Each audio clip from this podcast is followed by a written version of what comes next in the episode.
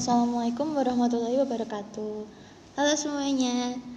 Perkenalkan, kita dari BEM ITB AS Indonesia Divisi Kerohanian.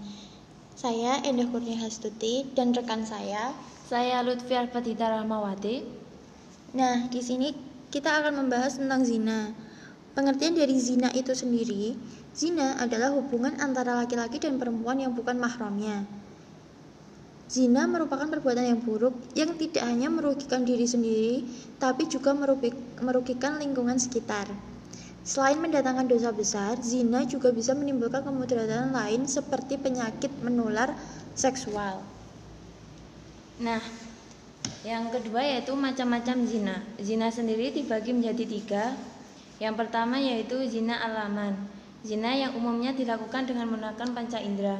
Nah, ini ada banyak banget sih contohnya. Yang pertama yaitu zina mata, ketika kita memandang lawan jenis. Yang kedua zina hati, ketika kita memikirkan lawan jenis yang bukan muhrim. Yang ketiga zina ucapan, ketika kita membicarakan lawan jenis. Yang keempat zina tangan, ketika kita sengaja memegang lawan jenis yang bukan muhrim. Dan yang terakhir zina luar yaitu perbuatan yang antar lawan jenis bukan muhrim. Dan yang kedua, zina muhsan. Zina muhsan ini dilakukan oleh orang yang telah menikah atau telah memiliki suami atau istri. Dan yang terakhir yaitu zina ghairi muhsan, yaitu dilakukan oleh mereka yang belum menikah.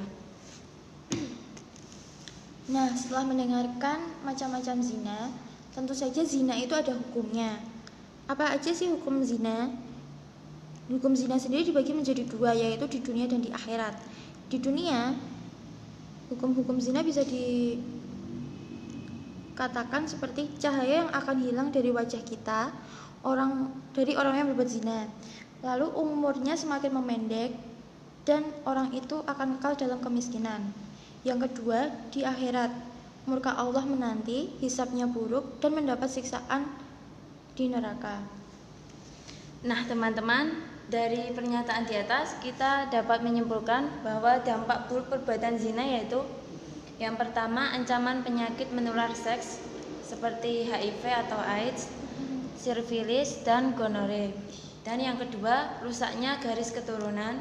Yang ketiga, hilang kendali dan yang terakhir membuat orang enggan bertanggung jawab. Terus ada pula kiat-kiat agar kita terhindar dari zina. Satu, mengetahui bahaya zina yang merupakan dosa besar. Dua, menjaga pandangan dari hal-hal yang diharamkan baik di jalan, di sekolah, TV, dan di media mana pun. Yang ketiga, mencampur menjauhi campur baur terhadap lawan jenis. Keempat, wanita kalau keluar dari rumah hendaknya tidak berhias berlebihan. Nah, kira-kira Kurang lebih seperti itu penjelasan mengenai zina.